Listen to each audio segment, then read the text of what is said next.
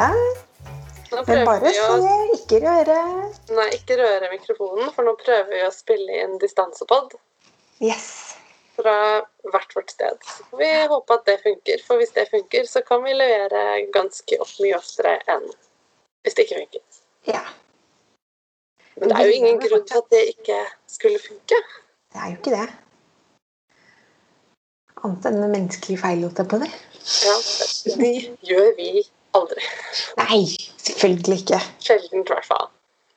Jeg, ikke, jeg gjør ikke feil. Jeg vet ikke Jeg tror det ligger til navnet. Marte. Mm. Ja. Mm. Ja. Det er uh, en slags vinter. Eh, det er I dag har vi hatt sånn innedag. Det er vinterferie for meg akkurat nå. Uh, det er møkkavær. Vi har vært inne og liksom bakt ting. Og lagd ting av papp. Og Det sånn. høres ut som det aller beste man kan gjøre. Ja, det har vært egentlig en veldig deilig dag. Mm. Hva har du gjort i dag? Ah. Jeg har båret rundt på en skrikende, skrikende baby, egentlig. Ja. Det er vel stort sett det. Jeg, jeg har vært ute og gått tur. Jeg er ute og gått tur sånn en time eller to hver dag. Og så prøver jeg å overleve. Jeg tror han holdt på å få tenner.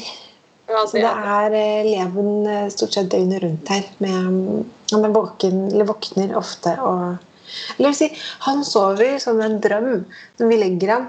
Fra liksom klokka sju til vi legger oss. Ja, og det er da man egentlig skikkelig burde bare gå og legge seg klokka sju. Men Ja. da har man jo også fred og to armer for første gang på ganske mange timer, da. Ja, akkurat det. Det er et hardt liv.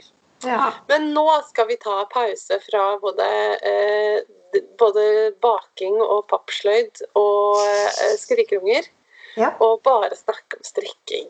ja. Det var lenge siden vi hadde spilt inn, følte jeg. Ja, det, ja, det er det. Er jo det.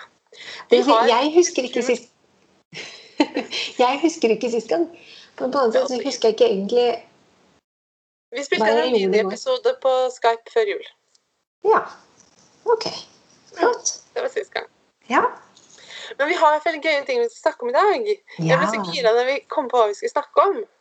For vi skal på en måte snakke om eh, å strikke gamle ting på en ny måte. Ja. Eh, modernisering og sånn. Mm. Av gamle strikkemønster. Ja. Og så skal vi snakke litt om eh, trender som tar av. ja. Det her er liksom et tema som ligger meg veldig nært hva heter det for noe? Tett i hjertet. Hvis jeg sier mye dumme ting, så må dere bare bære litt over med meg. Altså, hjernen min har ikke funka etter uh, tre måneder uten ordentlig søvn. Sånn er det. Man blir litt idiot. Ja. Du kommer tilbake. Jeg håper det. Men nei, fordi jeg har strikka en del sånn vintage Vintage, som man kaller det. Jeg syns det er litt corny uttrykk, men ja, gamle Ja. strikkemønstre. Sånn gamle, gamle strikkemønstre. Og syns det er Altså veldig, gøy. Altså, hvor du har fulgt mønstre som faktisk er fra 40-50-tallet, liksom. Ja. Ja. Jeg syns det er veldig gøy. Det er litt vanskelig, men veldig gøy. Og nå har det jo blitt litt sånn trendy, på en måte. Det har kommet noen bøker de siste par årene, par-tre årene. Har det. Og så er det eh, ikke bare det, men det er liksom det er en, Vi har jo en lang strikketradisjon i Norge, og det er det mange land som har. Og så føler jeg at, man er, at det, også det som er trendy, er å ta vare på den strikketradisjonen, den strikkearven man har, på en måte. Ja. Men at det ikke helt eh, kan innebære at alle skal strikke etter mønster fra 40-50-tallet, for det er veldig krevende. Ja. Eh, og det er en grunn da, til at det har skjedd ting med, med strikkeoppskrifter. Men jeg tenkte at vi kunne bruke som utgangspunkt for å begynne å snakke om det, dette, at vi kunne snakke om to strikkebøker som eh, vi har. Ja. Den ene har vi faktisk fått. Den har vi fått fra eh, Bergen når jeg var på Bergen strikkefestival uten deg, fordi du var litt sånn eh, nyverpa. ja. Så, eh, fikk, eh, så sa du til meg før jeg dro at du ønska deg ruter og lus. ja. Den boka som eh, Triko- Trikotasjemuseet på Salhus har gitt ut. ja. Og da eh, tigga jeg den til deg. Ja. Eh, Så vi fikk den faktisk, og så lovte jeg at vi skulle eh, si noe om den på, på podden. Ja. Og det var nest, vel nesten sånn at du ikke fikk den. Selv om jeg hadde lovt at det var du som skulle få den. Det, det satt litt langt inne. Jeg det var, det var egentlig litt sånn Glemte den et par ganger og sånn. Den var så fin. Ja, den er veldig fin. Men vet du, vi kan dele med oss. Eller jeg, jeg kan Vi, eh, som i alle Martene inni meg, kan Ja, dere kan dele med oss, alle Martene her. ja. Kanskje noen bytter navn til Marte og Marte og Marte og Marte. Det kan vi godt. Martene. Ja, det kan, det kan bare enkelt og greit si det sånn. Ja, den lo vi godt av inni her nå. Men hva syns du om Boki, da? Boki, den uh, syns jeg var veldig fin. Altså Det er jo en veldig interessant bok. Fordi at det står uh, en litt sånn fine ting om disse mønstrene som da er basert på uh, trikotasjens gamle strikkemønstre. Også og om ja, Nå har vel du kanskje lest den litt nøyere gjennom det jeg har. da. Jeg har bladd. Men det er mye gøy. Ja, for det er ganske mye historie. Altså, Ja. Det står om det gamle museet, det står om Salhusområdet, og Mm. om hvordan fabrikken på en måte vokste fram og forma nærmiljøet, og menneskeskjebnene. Mm. Eh, Jeg syns det var veldig gøy også. Jeg syns det er gøy med strikkebøker som gjør noe annet enn å bare gi mønstre. Ja.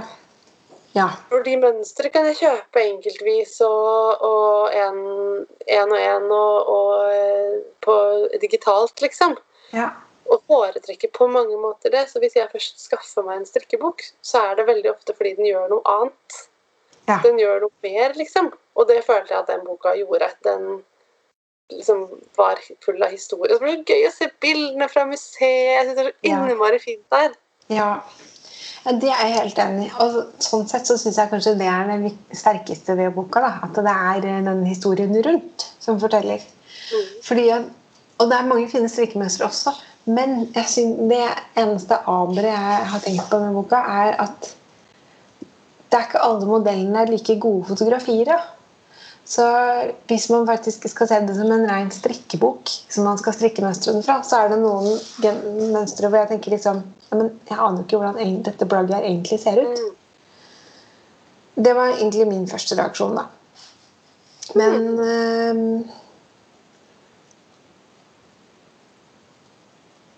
Ja, nå sitter jeg og blar gjennom her, og så er jeg ikke helt sikker på hva det var jeg tenkte det om. For nå syns jeg at bildene er ganske fine. Jeg Ja. syns at eh, Eller ja, jeg syns eh, de var veldig eh, fine pga. museumsomgivelsene. Men Ja. det, var også, det er også gøy å se de Det er også sånn det er satt inn i en kontekst, ikke sant? hvor Ja. eh, mønstrene er De har navn og er designa med en baktanke. Mm. Og det er mønstre og sånn som er henta fra de gamle tekstilene som ble produsert der, de gamle plaggene som ble produsert på fabrikken. Nå viser jeg deg eh, en sånn typisk side som jeg syns er fantastisk med denne boken. Ja. Som er ble hvor det er tatt bilde av et, eh, en, si, et oppslag av strikkeprøver Ja, til et av mønstrene. Ja, med forskjellige fargekombinasjoner. Og det er det til hver oppskrift. da.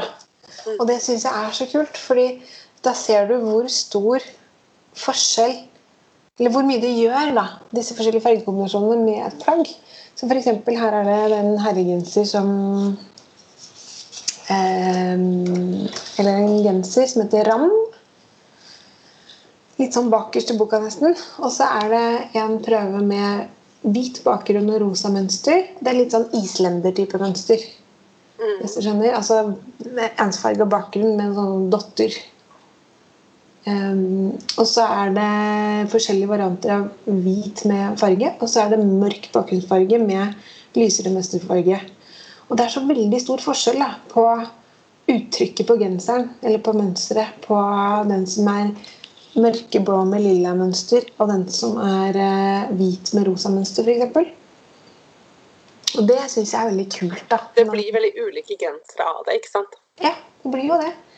Så, og det er jo egentlig det som har vært utgangspunktet kanskje også for selvemønsteret. For det har også da mørk bakgrunn med gult mønster i eh, salen. Kaller man det det når det er raglagenser òg? Ja, det tror jeg man kan. Ja. Og så i kroppen så er det hvit med, og armene så er det hvit med mørkt mønster. Så der, der har man liksom spilt på akkurat den derre kontrast. Mm. Eller Men i det hele tatt syns jeg den boka er liksom bare Den er helt amazing på å bare lage nye varianter av den gamle islenderen. Altså, Ja, det er så ja, ja, det er sant. Og det er skikkelig gøy, fordi at uh, det er så fint med sånne Ja.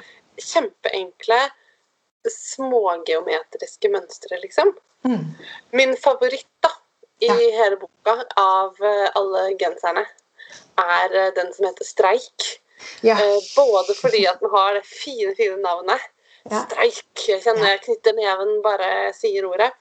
Eh, og så er den så utrolig fin, og det er en sånn skikkelig sånn eh, islendervariant. Ja. Som er hvit i bånn med små grå og røde firkanter. Ja. Og så er det de to som heter agat og opal, er også veldig høyt oppe på min liste. Ja.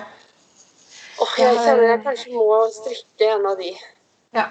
Jeg har skrevet ut notatene mine Agat. Åh, Agat! Og så skrev jeg Safir, og så skrev jeg streikegenseren. Og så skrev jeg Dortea-lua. Ja, Og så skrev jeg Opal. Åh, Opal!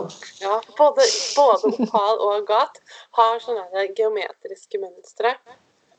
Ja. Som, og I sånne utrolig fine farger, hvor de har brukt sånn rødt og oransje og turkis og blå og ja. Ja. Det, ja. Nei, det som jeg liker veldig godt som jeg også, I Dortea-lua? Det var vanskelig å si. Så er det eh, også et sånt mønster som jeg forbinder veldig med trikotasjen. Som er en sånn Skal vi se om jeg finner den her. Eh, lus, men i forskjellige farger og forskjøvet i forhold til hverandre. Hvis det går an å si det sånn. Ja, ja, ja. Skjønner du? Mm. Ja, sånn at det blir lus på diagonalen. Ja, på en måte. Og så er det et sånn par-tre forskjellige sånne ah, Nå må jeg bare finne den for jeg blir gæren. Du, vet du hva? Nå har jeg sittet gjennom hele denne dottejakka og irritert meg over at jeg må strikke vrangrader. Og når jeg kommer til rillekanten nederst, tror du ikke jeg søren meg strikker en, en vrangrad istedenfor en rettrad bare fordi jeg er fjern i huet? Er det mulig? Ja, det får bare være, altså. Det får bare være. Jeg tar det ikke opp. Helt uaktuelt. Ja. Jeg sitter og strikker ferdig det strikker gå. Dottejakka mi nå. Jeg har tenkt på mange ja, jeg har tenkt på mange ganger når du strikka sånn uh, glattstrikkskjørt. At du liksom har flere partier med vrangstrikk midt inni der. Ja, det er veldig morsomt. Hvordan man plutselig har det. Ja. Så, men ikke sånn Ja, jeg har bare sånn Plutselig har jeg fem vrangmasker på rad. Og bare sånn Ja. Men hva skjedde her? Du strikker rett. Det er det du skal i liksom uendelig tid.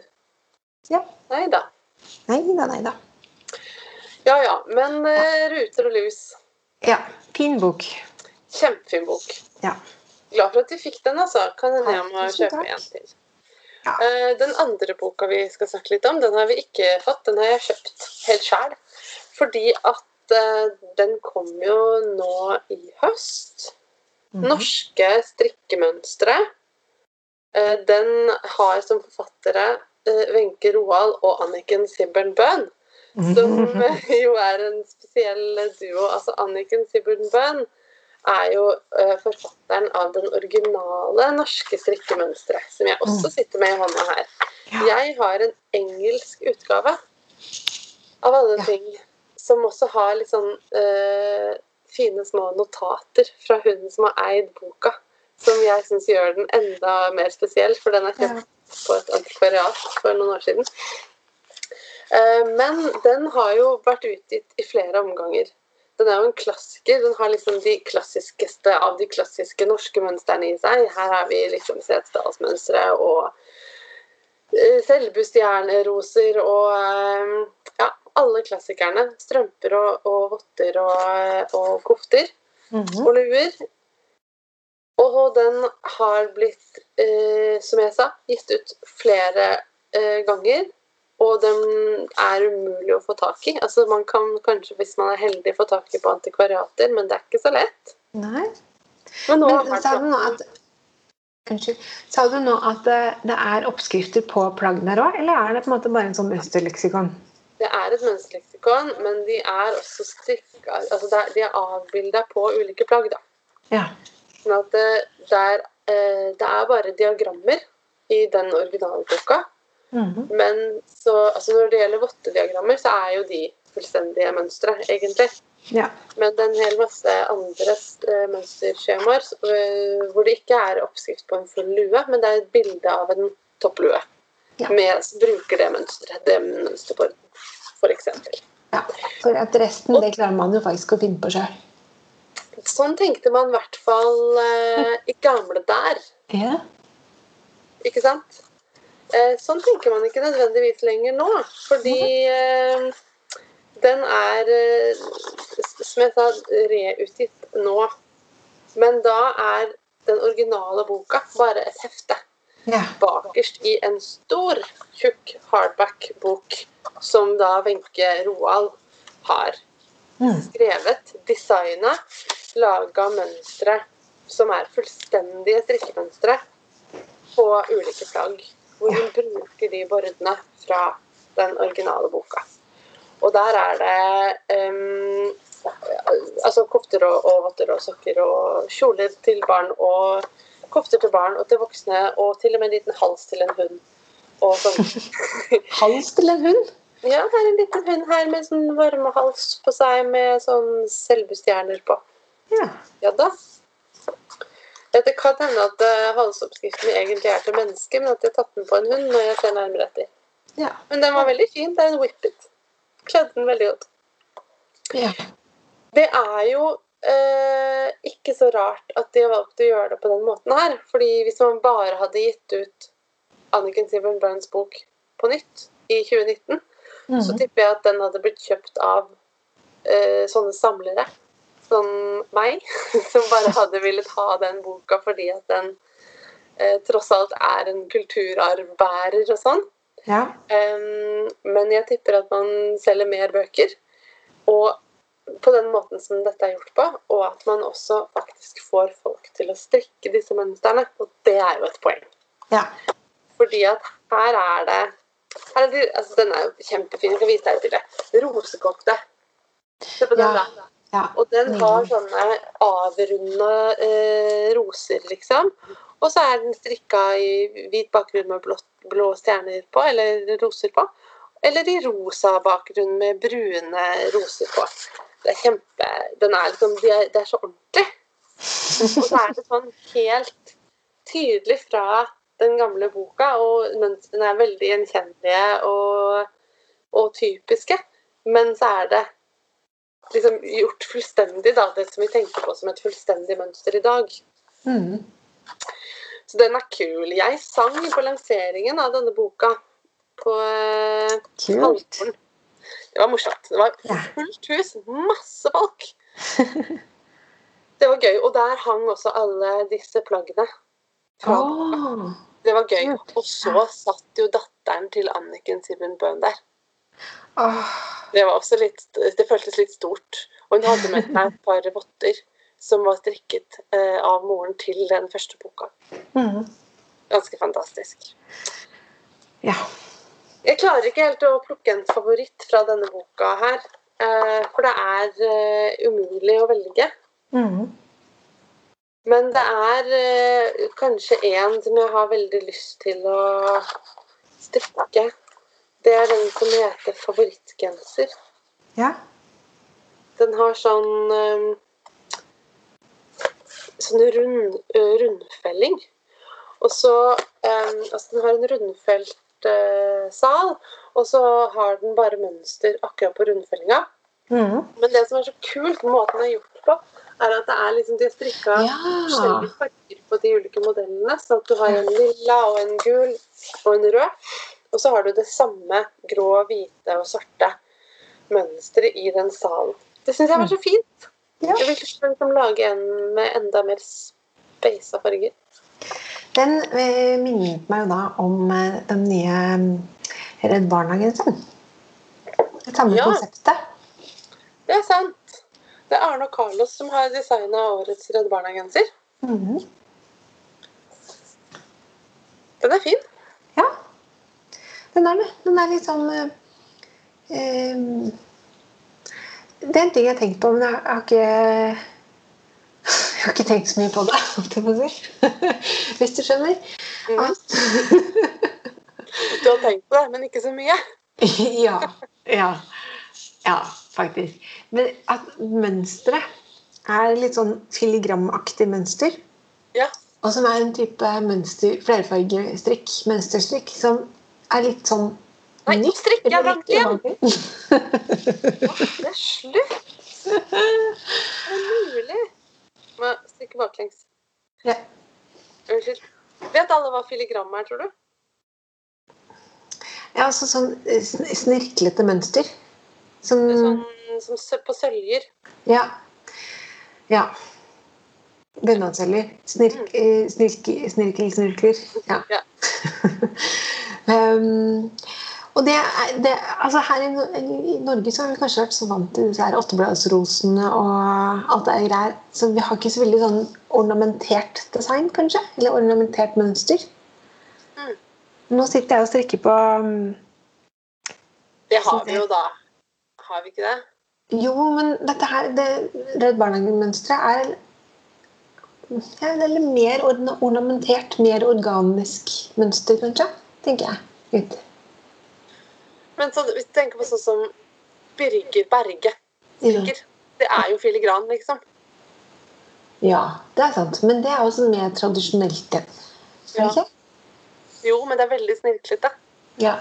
Jeg, sånn, jeg satt og så på det jeg strikka, og det han strikka på Bergen strikkefestival i høst. og bare sånn der, Jeg strikker liksom den naivistiske, eh, superenkle personen med bare selburosene. Jeg har til og med liksom luka ut lusene som skal ligge rundt, fordi at jeg ville ha det der rene, enkle uttrykket. Og han strikker sånn superintrikate sånne ting som går på kryss og tvers, og alt henger sammen i en større helhet. Så tenkte jeg Ja. kanskje jeg bare er en pyse. Nei. Det kommer jo litt an på hva man liker òg, da. Tenker jeg. Ja, og så kommer det litt an på hva slags hjerne man har. Om man på en måte Jeg vet ikke. Jeg skravler så mye hele tida når jeg strikker, så jeg har aldri tid til å liksom følge med. Altså må man, for, å få, for at sånt mønster skal komme godt fram når man strikker det, så må man også strikke i veldig tynt garn. Eh, Og eller, eller, eller, og, eller stram strikkefasthet. Mm. Og så tålmodig er ikke jeg. Det er et godt poeng. egentlig. Det er, det er mitt problem. Ja. Men for å avslutte om norske strikkemønsterboka, ja. så syns jeg at det er altså Jeg tenker at det er et supervellykka prosjekt, altså. Fordi um, altså den gamle boka er midt i blinken for meg. Mm. Uh, Men jeg vet at det er veldig få som strikker på den måten lenger. Som på en måte bare finner en, et diagram og så putter det inn i et plagg. Ja. Uh, Folk vil jo ha hele mønsteret, ikke bare et diagram. Og Wenche har på en måte klart å bevare det gamle, men allikevel utvikle et slags nåtidsuttrykk. Mm. Eh, og også så er jo de plaggene hun uh, gir fullstendig mønster til, er jo modernisert i forhold til de som det er bilde av i den originale boka. da. Ja. De har et moderne snitt. Og så har de selvfølgelig moder en moderne framgangsmåte. Nå står det jo ikke noe særlig ja, står det om framgangsmåte i den gamle boka, Nei. men eh, For det er jo en greie, da. Hvis man Ja. skal snakke om hvordan hvordan moderniserer man gamle tradisjonsmønstre? Ja. Jo, men ikke bare tradisjonsmønstre, men også i det hele tatt gamle mønstre. Jeg satt og tenkte litt på det eh, tidligere i dag. Fordi at jeg har, som jeg nevnte litt, strikka litt i, av gamle vintage-mønstre. Altså selve originalmønsteret, på en måte. Og noe av utfordringen der var at for det første, oppskriftene var jo ikke gitt med mange størrelser. Det var gitt med kanskje én eller to størrelser. Og så hvis du ikke passa inn i det, så måtte du finne på selv. Eller tilpasse selv, da. Og da har jeg hørt at eh, det ble bare gitt i én størrelse eller to størrelser fordi at folk var flinke til å strikke og visste hvordan, eller hadde kunnskap nok til å tilpasse, så da var det ikke noe vits i å gjøre noe mer enn det. Nei, de kunne skalere opp og ned, liksom. Ja. Så det som er utfordring nå, er at mange av de veldig gamle mønstrene de er jo bitte, bitte, bitte, bitte, bitte, bitte små. Altså størrelsen er liten, og eh, størrelsesmålene innenfor hver enkelt størrelse er også på en måte mindre enn det det er i dag. For folk Mm. kanskje var litt mindre eller, ja, før. Ja, eller man bare tenkte at altså, hvis man skal lage et mønster, så kan man jo strikke et mønster eh, som er litt lite, så går det fort, og så kan folk måle sin egen byst og skalere opp, liksom. Jeg vet Ja. ikke. Ja. Så, men jeg har da f.eks. kjøpt ehm, Skal vi se, jeg fant fram i hylla mi her. Bare stokke litt om. Um, Jeg sitter også med en liten bunke med bøker. ja. Her er eh, en bok som heter A Stitch in Time. Som eh, er én av to bøker. Jeg har den ene i papirform, den andre digitalt. Og det er da Denne her er vinterstykkelmønster fra 1920 til 1949, og den andre er fra 1949 til 1970 eller noe sånt. Nå. Og um, der har de tatt med både det originale, gamle mønsteret, og så har de da laget en modernisert versjon med flere størrelser og med moderne garn. Så her for eksempel, jeg tenker at denne her kanskje slår an hos deg, Marte. Jade Green Pretties heter mønsteret. Og det er altså da en slags Jeg tror det er en badedrakt fra 20-tallet en gang. Yes. Ja, det er kult. Ja, Strikke da, badedrakt er jo aldri feil. nei. Og da er det Bortsett fra når man bader. ja, ikke sant. Så er det da, da er, ikke sant, det er en tegning av en dame i den badedrakten. Og da er det et veldig sånn eh, Det er et fotografi av en dame som har på seg badedrakten, men det er umulig å se noen detaljer overhodet. Og så er det da et detaljbilde av hullmønstre. Der hvor det er hullmønster. Um, så ja. Det som jeg har oppdaga er en utfordring, da, som jeg både har sett i oppskriftene og oppdaga når jeg strikka det selv. For jeg har strikket ett mønster fra den boka Stitch in Time her, som bare var total katastrofe. At de gamle garntypene var eh, hardere Jeg tror det var hardere tvinn på garnet. Så de er litt sånn De er drøyere og lettere. Og ofte mye tynnere. Og så mer eh, stikkete, på en måte, enn det det er i dag. Så det har vært vanskelig å finne garn som har hatt på en måte, mm, samme vekten, rett og slett, med løpelengde.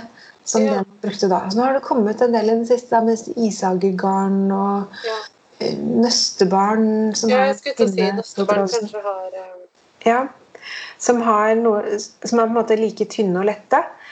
Så det som skjedde med mitt prosjekt, var at den genseren jeg ikke strikker, hadde en sånn strukturstrikk i paneler. Um, jeg viste den fram på et kurs vi holdt en gang, så de ti menneskene som var der og så den, har skjønt, eh, har, skjønner hva jeg mener. Men da har ikke liksom, størrelsen på maskene mine vært den samme, selv om strikkefastheten er lik. mm. Så når du da strikker i høyden like mye, eller like mange mønsterrepetisjoner som det står, så får ikke plagget den samme formen allikevel. Nei. Så den er bare totalt ubrukelig, den genseren. Er- Den sitter ikke riktig en eneste plass. Nei. Og det er jo Ja. Det er, Er det fordi at tøyet rett og slett blir eh, for, for slapt? Ja, det som jeg gjorde der, da, der brukte jeg veldig tynt ullgarn i tre tråder, med, ja, tre tråder som jeg strikket sammen. Og det ble da Jeg tror jeg fikk ca. riktig strikkefasthet, men det ble liksom Så maskene Det ble for tett. Eller kompakt. Ja. Så jeg tror at de bygget mer i høyden. ja. Og de fyller ut for mye, kanskje? Ja, jeg tror Sånn at det. blir sånn uh... Plagget ble for stivt. Og, Ok. ja. og det er jo en annen ting også at eh, man hadde jo ikke rundpinne før. Det høres litt sånn tullete ut å si, men vi hadde jo ikke det. Nei, og det er ikke så innmari lenge siden engang at man ikke hadde gode rundpinner. Altså, jeg mener, jeg har jo Jeg lærte jo å strikke på, på rundpinner som var av en ganske annen kvalitet enn de rundpinnene jeg strikker på nå, for å si det sånn. Ja. Det var gjerne rundpinner jeg fikk av bestemor og sånn. Kabelen er tjukk og stiv som bare pokker. Og du Ja. kan bare glemme noe sånn magic loop-opplegg. Altså, det gjelder å ha så lang kabel du trenger. Eh, og eh, ellers må du på en måte over på flere strømpepinner, da. Ja. Og det er jo en helt sånn typisk måte å omarbeide mønstre på. Er jo omarbeiding til rundfelling og raglan istedenfor å strikke ting i små biter og sy dem Ja. sammen. Men der har jeg også gått på en smell. For der har jeg strikket et prosjekt som egentlig var relativt eh, vellykket. Sånn Elinor eh, pullover fra Australian Women's Weekly fra 1942 eller noe sånt nå. Som jeg strikket med stoff og stil fine wool. Som er også et av de garnene som er veldig lett og langt, på en måte. Ja. Så der ble plagget ganske vellykka fordi at det er um, lett nok til at du ikke liksom, eh, mister formen, på en måte. Samtidig så er det mye mykere tror jeg, enn det som er originalgarnet. Og i tillegg så strikka jeg det rundt, fordi jeg var litt lat og tenkte at dette gidder jeg ikke fram og tilbake. Ehm, sånn at konsekvensen der er at jeg mistet, når jeg mistet sidesømmen, så har jeg også mista struktur i plagget. Eller hold, kan du si. Så den er liksom Det garnet bare slipper eh, formen og fluff. Liksom fluff, fluff, fluff, fluff.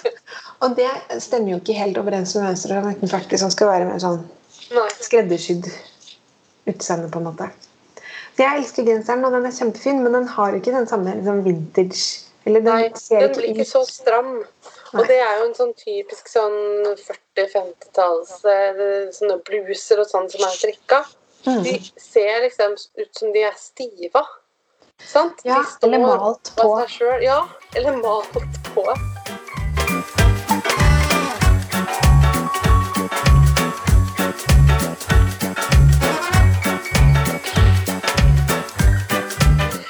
Sitter med en annen bok som også har en sånn der eh, Altså det gamle mønsteret og en ny omarbeida versjon.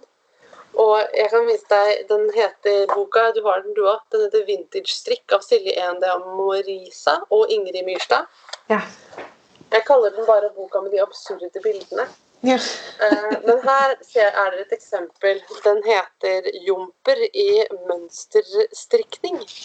Og der er det en modell som, hvor den ser ut som den er liksom malt på og stiva av med gelatin. ja. Mens eh, den modernere versjonen Mm. eh, blir Den er mykere, liksom. Bare. ja. ja. Men på det bildet så har modellen helt en pose mel over hodet sitt. ja. På et annet bilde har modellen på seg kumaske. På et annet bilde har modellen en bøtte på hodet.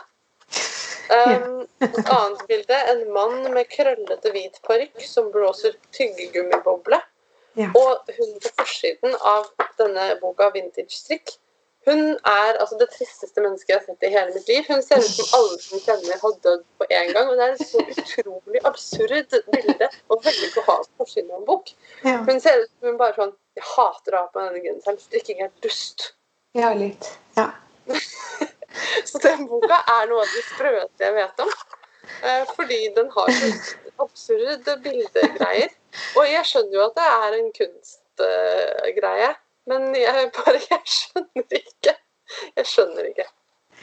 Altså, jeg, Bildene som isolert sett er jo En del av dem er ganske fine, Ja, og morsomme noen. Ja. Men det er problem Jo, eller Nå skal jeg vise deg et, Marte. Dette er altså et godt et. Ja, hun har Hun som maler har malt seg selv i panna. ja, malt seg selv over det hele, ser det ut som. Ja. Jeg hadde en periode tenkt å strikke en vest til min far. ja. som er i denne boka. Det, han på bildet sitter på en liten gyngehest. Den heter 'Ermeløs herrepullover'. ja. Men eh, jeg gikk bort fra det. Eh, For det ville jo vært for enkelt å strikke en vest på litt, eh, i litt tykt garn til min far. Isteden så strikka jeg en enorm cardigan i herrestørrelse ekstra large på to og en halv i fin ull. En av de mest langtekkelige strikkeopplevelsene jeg har hatt i mitt liv. Gjensfarga var den ikke? Ensfarga yes, mørk grønn. Mm. Ja, og så ble den til og med litt for stor. Måtte sy den inn litt.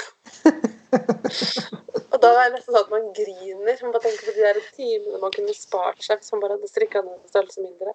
Ja. Altså, jeg, jeg må se denne vintage-strikkeboka. Så er ikke den heter? Vintage-strikk. Jeg synes den er veldig Jeg liker den veldig godt. Fordi at den har sånn, eh, en del forrest med um, Og man kan lese ganske mye om norsk strikkehistorie. Eh, nei, ikke bare norsk, men eh, strikkehistorie, egentlig. Ja, og, med, og litt sånn fra magasinperspektiv.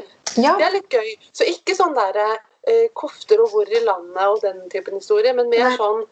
Jeg får sånn Filmavisen-stemme med en gang. Det Damer som Ja, strikker ja. på femstallet. Og det er masse fine bilder. Og jeg, jeg har kost meg masse med å sitte og lese der. Og så har jeg ergra meg litt over uh, selve strikkeoppskriftene, fordi at jeg har ikke liksom Jeg har prøvd et par, og så har jeg liksom ikke helt fått det til, på en måte.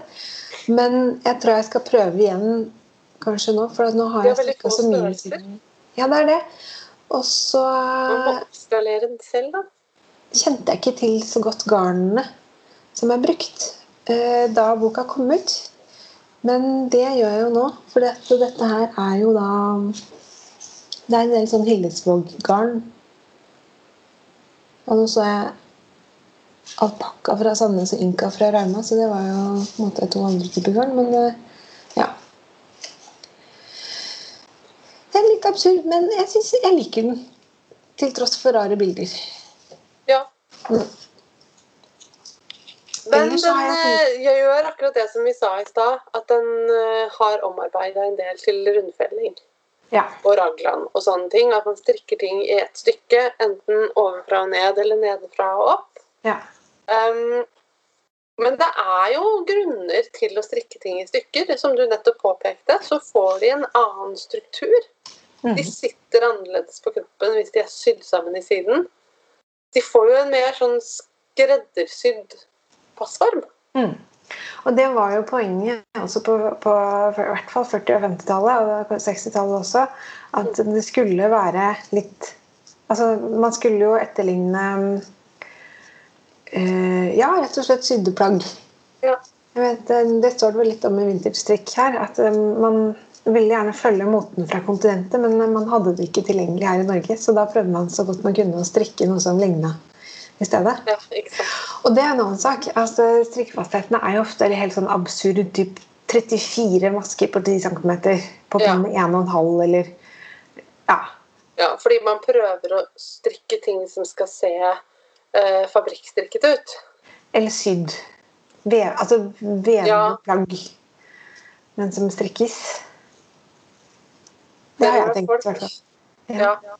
Mens nå kjøper vi Pickles Big Balls og strikker genser på en kveld. Ja, ikke sant? Men jeg har jo funnet frem en annen bok her som jeg syns er litt artig i det perspektivet der. Um, for der har vi vært ute på kontinentet, og vi snakker om eh, litt sånne dressjakker og eh, skreddersydde plagg som skal sitte pent, eller som ser ut som de er malt på modellen. Mm. Og så kommer vi da til denne boken. Ser du den? Jeg ser den, men du Ja. må forklare den. Ja. Dalegarn. Strikking og hekling med historisk sus. Den er også en bok jeg liker veldig godt. Som er eh, egentlig Dalegarn som feirer eh, et eller annet jubileum. 100-årsjubileum eller noe sånt nå. Og de har en helt sånn fantastisk mønsterkatalog. For de har jo utvikla strikkemønstre i lang, lang, lang lang tid. Og her har de rett og slett da gått i arkivene sine og så har de funnet fram eh, gøy og rart eh, fra eh, tidligere tider. Og Dalegården er jo de som har eh, veldig mye av disse skigenserne. Ja, veldig. Ja. Og, så er, her er det på en måte vintage strikk i Norge. Bare, som viser litt eh, at her i Norge så var vi opptatt av andre ting kanskje, enn det man var i Storbritannia med Stitch in Time. Her gikk vi på ski. Skulle ha på oss noe varmt og nå var ute i skogen på vinteren. Så skulle man se liksom frisk og freidig ut på ski. Ja. Og litt eh, spiffy. Ja. ja. Favoritten min her, for eksempel, den heter um, Stella. En raff damejumper. Ja, og det er det fineste navnet. Ja. Raff damejumper. Ja, I Ja. det mønsteret satt vi og strikka en versjon av på hytta di for uh, Ja. noen år siden. Å, kan vi dra på hytta di igjen? Det hadde vært koselig. Ja, det må vi gjøre. Nå bor Dette jo jeg rett borti hugget. Ja, det gjør det. Ah, Det er veldig lett å få til, Marte. Burde være Ja. lett å få til. Ja. Ja, kan ta med han Fredrik. ja. Altså, ja, det var jo da jeg skulle lære meg å like flerfargestrykk. Men det funka litt, da. Ja, det funka bare ikke sånn umiddelbart. Det har gått, tatt, gått over tid. Det har seget inn. Ja. Sneket seg inn bakdøra. Ja, ikke sant. Ja. Ved at eh, jeg, Den genseren, for eksempel, den eh, raffe damejumperen, den har et veldig sånn kult eh, grafisk mønster. Som er sånn litt spisse takker eh, som går i bånd. Horisontale bånd rundt. Og så er det en sånn eh, båthals på den, på en måte. Og så er den strikket eh, På bildet så er det tre raffe damer. De er veldig raffe. Ja, de er veldig Det raffe. som er problemet med det mønsteret, da, det er det samme som er et problem med f.eks. alle varianter nesten jeg har sett av Eskimo-genseren, og det er at på spissene i mønsteret Ja, så blir det himla lange flotteringer, altså. ja. Og spesielt da, eh, hvis man ikke har strikka så mye flerfargestrikk, så er jo det fryktelig vanskelig i forhold til kortfloteringer. Altså, Mhm. flotteringer handler om at man må ta, føre tråden med på baksiden av strikktøyet, ikke sant. Ja. Men du vet hva? Her, dette mønsteret her, det er faktisk ikke så ille som man skulle tro. For her er det litt sånn Det er tre forskjellige farger. Og så er det da liksom, Grafikken i mønsteret er sånn at du har eh, eh, noen striper som bryter den flotteringen. Eh, Ok. Så det lengste strekket er egentlig midt på disse diamantaktige formene. Der er det sju masker. Eh, Ja, det er jo egentlig ikke overkommelig i det hele, uoverkommelig i det hele tatt. Nei, jeg synes jo det var Jeg prøvde jo denne her. Jeg lagde meg Det, det jeg strikka da vi satt der på hytta, det var jo en sånn slags hals som var en gedigen prøvelapp på Ja. forskjellige fine sånne flerfargemønstre. Og jeg syns det var helt pyton å strikke. Men nå sitter jeg jo da med Guthrie Sweater, som har floteringer på 13 masker på det verste eller noe sånt. nå. Ja. Og bare fyker gjennom, og dette er ikke noe problem, nei. Men det er også litt at jeg strikker i et fantastisk garn, da. Jeg strikker i sølje pelsull fra Hillesvåg. Jeg sitter og strikker i blåne pelsull, som er den største geitebukken, holdt jeg på å si. Det er ikke geitebukk, det er sau. Ja. Men jeg tenkte på at det var tre, tre størrelser, og da kunne det være bukk under bruse. Men det funka ikke helt når det var sau. Altså Noen ganger Fordi er det vanskelig sølje å er den forskjell på dem. minste, og vilje er den mellomste. Nei, Nei. Tinde. Vinje er lammøl. Det er lammøl. Tinde er den mellomste. Ja. Og så strikker jeg blåne. ja. Og så er det en som er enda tjukkere, som Heter Det sorte får. Ja. Som jeg fikk noen bunter av av deg. Mhm. Som jeg strikka lue på en kveld. Men jeg har gjort det som jeg alltid gjør. Mhm. Strikka den liksom én centimeter for kort. Ingenting er mer irriterende enn for korte luer. og Jeg gjør det hver gang. Ja. Hver gang. Jeg skjønner ikke hvorfor jeg gjør det hver gang. Du, det er litt rart at du sier, for jeg strikker generelt jeg tar, jeg, tenker, jeg tar alltid for kort tråd når jeg skal ta tråd til noe. Men jeg strikker alltid lur altfor lange. Åh, heldiggris. Ja, jeg Jeg tror ikke faktisk jeg må løsne den i toppen og strikke litt mer på den. Fordi det går ikke, liksom. Ja. Sukk og sukk. Syk og syk. Men, men. Mhm. Oppsummering av eh, hvordan man moderniserer eh, gamle tradisjonsmønstre. Det ser Mhm. ut til at eh, omarbeiding til å strikke ting i én bit er greia. Folk vil ikke sy. Det er litt rart at det er sånn, egentlig. Ja, men det har kommet en sånn derre Jeg ser det nå i sosiale medier, f.eks. Når det er snakk om å montere, så er det sånn Å nei, jeg må montere! Men det er sånn, en eller annen, noen ganger føler jeg at kanskje en eller annen bare sa det en eller annen gang. Og jeg hater å montere. Og så er det liksom blitt en sånn greie som alle hater. Fordi det er jo ikke så pes, egentlig. Er det det? Det er ikke det, altså. Det er bare det at man Altså, det er altså, klart er- Noen plagg har veldig mye montering. Ja, altså det som er, jeg syns er guffen, det mest gufne med det, på en måte, det er at du potensielt Sånn som det skjedde da med den eh, ene genseren jeg snakka om i sted. Du strikker alle bitene, og idet du syr dem sammen, så ser du at oi, dette her kommer ikke til å passe i det hele tatt. Nei. Og hva gjør det da? Da er det ikke like lett å bare rekke opp og Nei, strikke en centimeter mer. Da må du plutselig rekke opp alle bitene og justere strikke alt på nytt. Mm. Og så skjønner jeg, Det jeg skjønner da, veldig godt, faktisk, det er når folk er produktstrikkere, som jeg er. altså Man skiller jo da mellom prosessstrikkere og produktstrikkere. Uh, jeg, produktstrikkere strikker fordi de vil ha de vil ha greia, liksom. De vil ha plagget. Ja. Um, og da er man jo litt sånn keen på at når man er ferdig og, og peller av den siste maska, da vil man jo ta det på! Da vil man jo ha det på. Ja. Jeg har jo to triste kofter liggende inni skapet her som er helt ferdige. De må bare Den ene trenger to sømmer, og begge trenger knapper. Og that's it, liksom! Det er helt idiotisk at de ligger der. Hvorfor gjør jeg ikke noe med det? Det er jo bare eh, Ja. Nei, det er helt latterlig. Det er jo bare fordi at eh, jeg vil strikke den ferdig, og så er det akkurat som når jeg er ferdig med å strikke, så er det gammelt nytt. Da er det ikke så Mm. Jeg veit ikke. Ja. Jeg har, ingen, jeg har ingen gode forklaringer. Jeg Nei, skal da, gjøre det. Ja, da er jeg liksom mentalt ferdig med det. Da, da, er, da er ikke den genseren så gøy lenger. For da har jeg i mellomtiden i hodet begynt på ti nye prosjekter. Ja, og og da er- kanskje ikke bare i hodet, men lagt opp til liksom, i hvert fall et par stykker. Har jeg, da. Ja. Fort gjort. Ja, nei. Men jeg, jeg tenker at det er verdt å gjøre det noen ganger. fordi at Det kommer an på hvordan du vil at plagget skal bli. Men. Noen ganger så vil man kanskje ha et plagg som er litt mer strukturert. Som ikke bare blir litt sånn som disse dillene du nevnte at vi skal snakke om.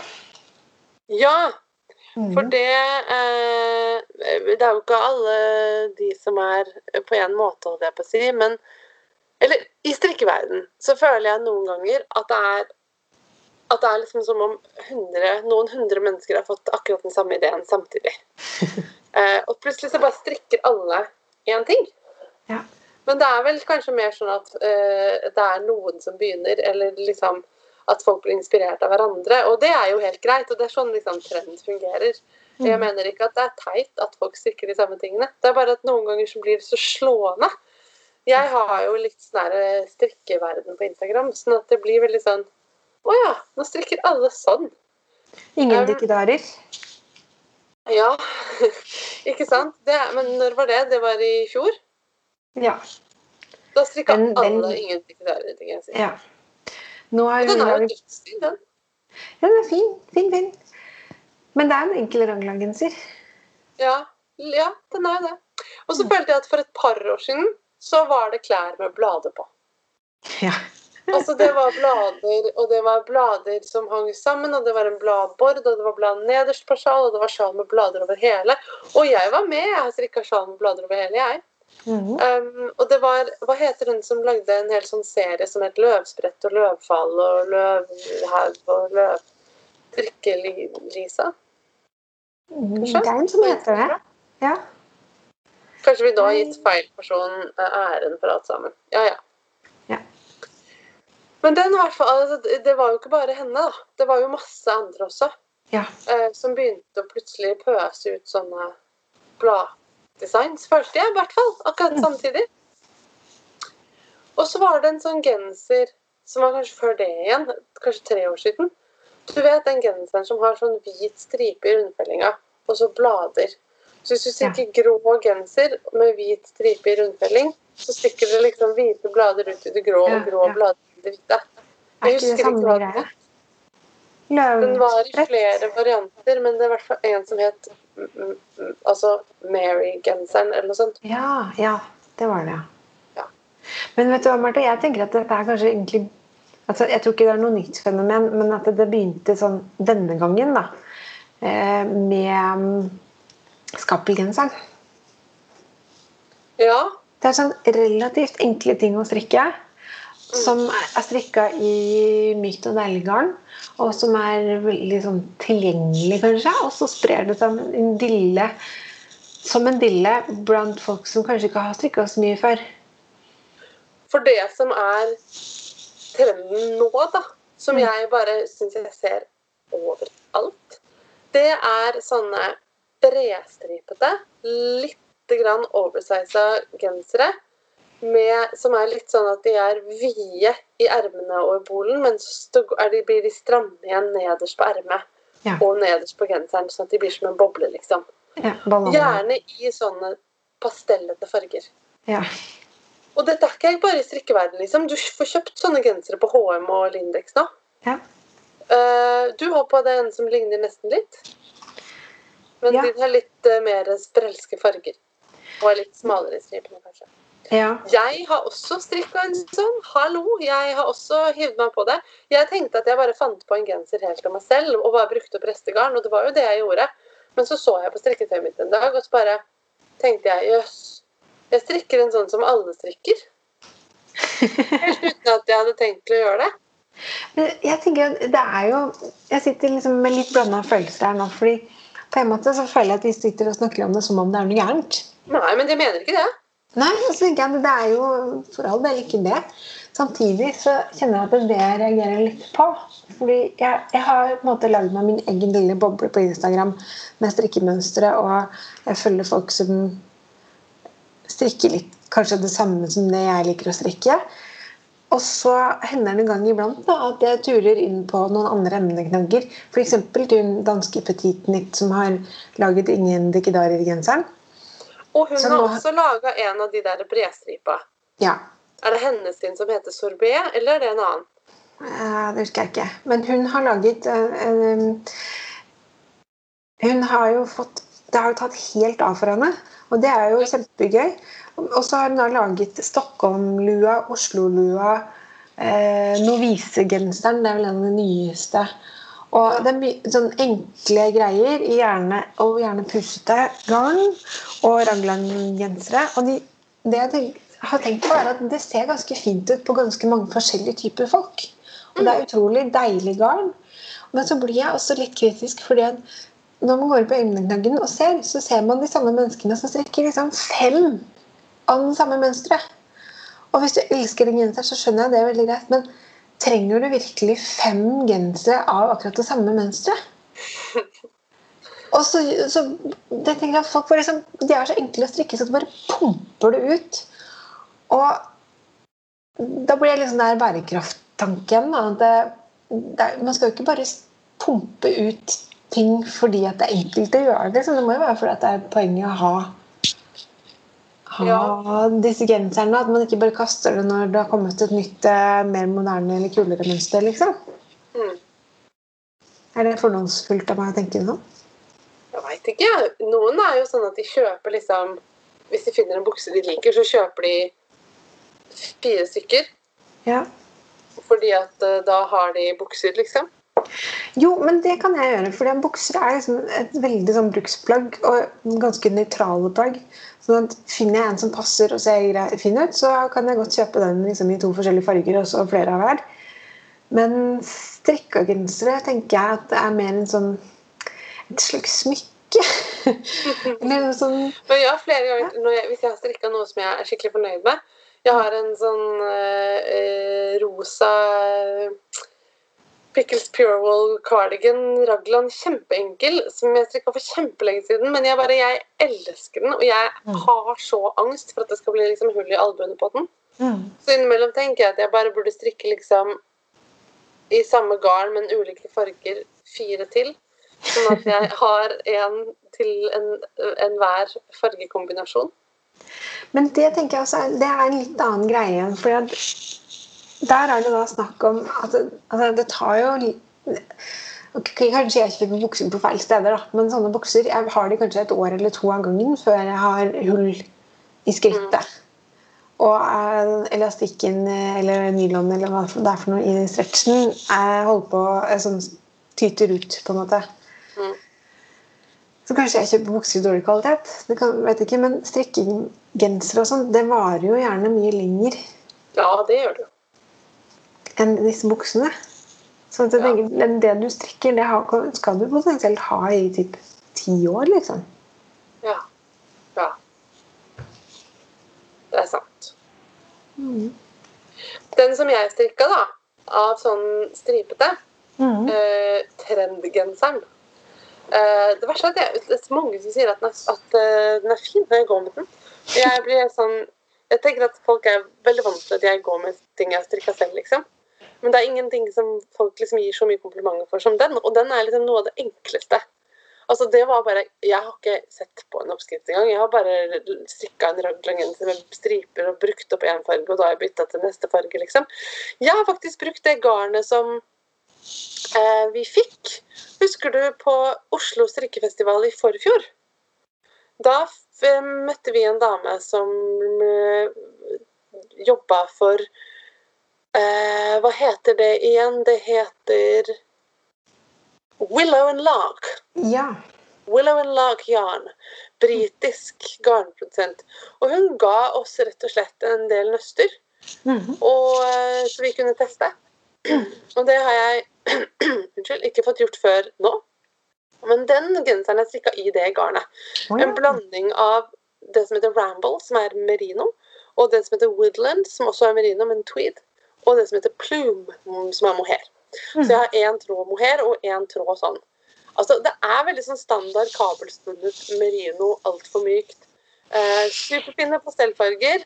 Altså altfor mykt til å strikke i for meg. Men jeg elsker jo resultatet. Den er jo som en sky. Den er kjempegod å gå med. Og av og til så ønsker jeg at jeg likte litt bedre å strikke myke ting. Eh, fordi det blir liksom sånn at jeg bare sitter og surmuler når jeg må strikke på sånne fluffy greier. Um, mens jeg liker jo egentlig å ha på meg myke gensere, sånn strengt tatt. Ja, mange, de fleste gjør vel kanskje det. Men eh, ja, det er det. jeg syns det er så deilig at man kan bytte på det når man har forskjellige strikketøy. Så nå eksempel, når jeg sitter her med sølje som er mykt, men litt stikkete, så er det jo bare fantastisk å kjenne liksom Ja, for pelsulen er rar sånn. Den er på en måte så veldig myk, og samtidig ganske rustikk. Ja. Den er det. Veldig, veldig glad i pelsullgarn. Elsker. Og nå kjenner jeg at jeg er sånn varm og god i hendene fordi jeg sitter og holder i det. Man blir varm på et sånt helt spesielt Og jeg strikker jo dottejakke, og den er jo helt gigantisk. Og nå driver jeg så feller av kroppen, og den ligger i fanget mitt. Og det er jo som å ha liksom en lama-baby på fanget hele tiden. Den er så stor og varm. Jeg måtte slutte å ha den med meg på bussen, fordi det blir liksom som å Ja. Det blir voldsomt, liksom. Ha med seg et bed. pledd. Det er forresten problemet med å strikke ting i ett stykke. Ja. En liten erm er ikke noe problem å ha på seg. En liten erm, Et lite erme heter det. eh, på bussen. Men hvis jeg skal ha med ermestrikk på bussen til dottejakka, så må jeg jo ha med hele jævla dottejakka også. ja. Unnskyld fransken. Nei, nå stikker saueren i meg trangt igjen. Du har, du, har litt sånn derre um, vrangtics. Jeg tror det. Det er sånn- en slags sånn strikketourettes. Ja. Jeg har så Jeg bare strikker plutselig vrangmasker sånn Stakkars deg, Marte. Ja, det er ikke så lett, faktisk. Nei. Men du, Marte, nå hører jeg at det er en liten kompis på på sida her som eh, begynner å jamre seg litt. Da må vi gi oss. Ikke fikk vi snakka om Purchases Unite, som er en trend vi begge har strikka. Ikke fikk vi snakka om spettete garn, som jeg føler alle har strikka i hele det siste året. Ja. Men uh, det får bli en annen gang. ja. Vertices Night har vi snakket om før også, i grunnen. Ganske mye, egentlig. Men det er jo liksom altså, Igjen, da. Der så tenker jeg at det er et sånn mønster som er eh, mye farger. Det er litt eh, veldig sånn distinkt. Men det er riller. Ja, Og det er ikke avhengig av strikkefasthet eller garn. Så det er liksom Og det er faktisk et ganske enkelt mønster, selv om det eh, på en måte ser litt komplisert ut. Ja. Så er det relativt lett å få til. ja. Hvis man ikke roter det til, som jeg gjorde Sånn sist. som jeg. Bare. Nei, jeg rota det bare litt til. Ikke så veldig alvorlig, men jeg bare, da orka jeg ikke å avrote det igjen. Nei. Men spettet garn, som jeg har hata så veldig mye på alltid, det er jo så, så det er, Folk har strikka så mye med det at nest, det er nesten sånn at til og med jeg har fått litt lyst til å strikke i spettete garn, men bare nesten. Altså, ja. Jeg, jeg har hatt sånn derre litt um, Hva heter det for noe? Hemmelig crush på spettegarn. Fordi at jeg syns at det kan være veldig fint når det er jevnt over en hel genser. Ja. Da, der, da har du på en måte veldig mye liv i, møns- i, i stoffet du lager, uten Ja. at du trenger å gjøre en tøddel innsats for det, liksom. ja jeg, ser, jeg ser. Ja. Jeg er enig i det. Og så syns jeg jo at det er så vakkert på hespe. Ja. Ja, ja. Jeg syns det er så innmari fint med sånn flerfarga hesper. Det er jo så fint og pent. ja. Men eh, det er bare det at jeg, jeg vil jo ikke ha det på Eller kanskje det er det jeg vil. Jeg driver jo og klager over at jeg ikke strikker nok i farger, men at jeg egentlig bare vil kle meg i farger hele tiden. Mhm. Nå er det februar, og jeg følger med på en veldig fin hashtag på Instagram som heter 'Ferjebruari'. Den er svensk. ja. Eh, At man skal kle seg fargerikt i, i februar. Jeg tror vi har snakka om det før. Det er en sånn greie som Soul Mama, hun bloggeren fra Portland, Maine. Uh, hun, nei, hun er ikke derfra. Hun er fra Maine derfra. USA. ja. Hun har en sånn greie om at februar er en, en måned for farger. Fordi at man er så møkklei av den kalde årstiden. Men man har den der innspurten igjen før våren kommer. Ja. Så man trenger liksom at det er sterke farger rundt den. Men vet du hva jeg har gjort i det siste? Jeg har begynt å følge en del australske folk. Og det er ganske herlig, for der er du midt på sommeren. Ja. Og jeg har funnet en eh, som heter Kaleidoscope Katie, med K. K em, som syr. Og hun syr altså de mest fantastiske, tullete ting du kan tenke deg. Hun sydde en skjorte til pappaen sin med fiske på. Den er helt fantastisk. Hun jobber så i sånn kostyme Eller ja, i, um, med å sydd klær da, til film og TV. Så hun kan det jo typ skikkelig godt. Men hun elsker da sånn stormønstrede stoffer i glade farger. Og det er sånn som man bare blir superglad av å se på. Så det anbefaler jeg litt, i grunnen. Nå sa, sa telefonen din at du må gå og legge deg. Ja, den gjorde det.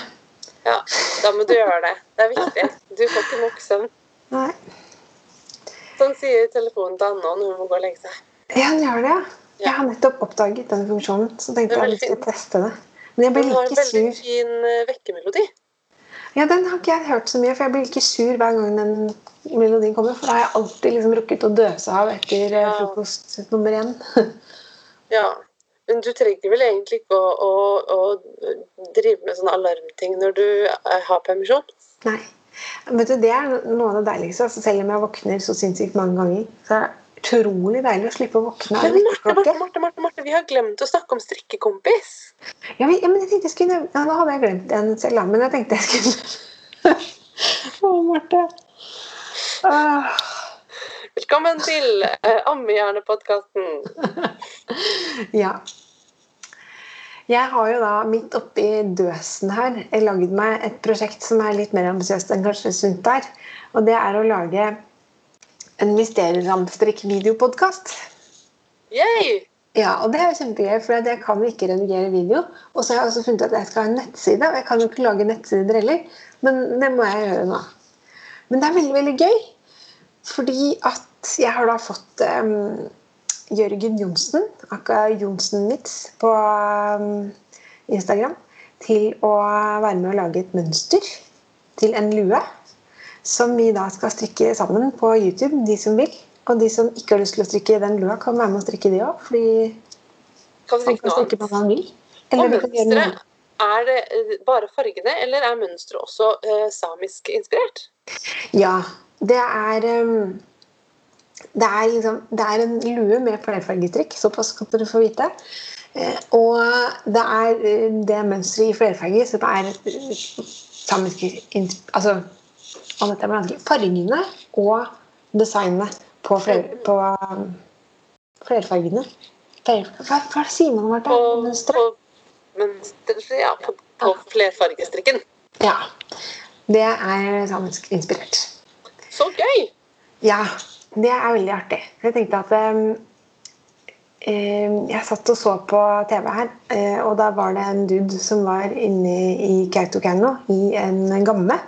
Og der satt det noen med fantastiske eh, sånne kofter i farger som jeg ikke visste man kunne bruke. Og så tenkte jeg her kan jeg for lite. Dette må vi finne ut mer om. Og så hadde jeg jo denne ideen om eh, mysteriesamstrikk på videopod. Så tenkte jeg dette må vi kombinere. Og da ordna jeg det. Så nå, den første episoden av det kommer altså Jeg lagde en liten introepisode, og så kommer første ordentlige stykkeepisoden 1. mars. Som er om en ca. uke til Når vi spiller inn. Ja. Får se når vi får den ut, denne poden. Ja. Så det blir liggende på. YouTube. Ja. Men gøy, og vi har allerede satt en dato for når jeg skal komme og være med på en episode. Det gleder jeg meg til. Da kommer vi til å spille inn lydspor også og legge det ut som en Marte Marte-episode. ja. Det blir bra. Det blir veldig stas. Det er veldig gøy. Og litt ne- nervepirrende. Veldig rart å skulle se på seg selv. Sånn. Det er jeg jo ikke vant til. Men det må til, da. For i en eh, Ja. Det var formatet som ble valgt. Kult. Ja. Jeg syns du har eh, bra mange prosjekter til å være liksom i den eh, babybobla, jeg, egentlig. Ja, det, akkurat nå så føles det litt eh, vel ambisiøst, fordi at jeg sliter litt med å Han er jo ikke stille når jeg vil at han skal være stille, han babyen. Nei, han må bare få bråke, tenker jeg. Ja.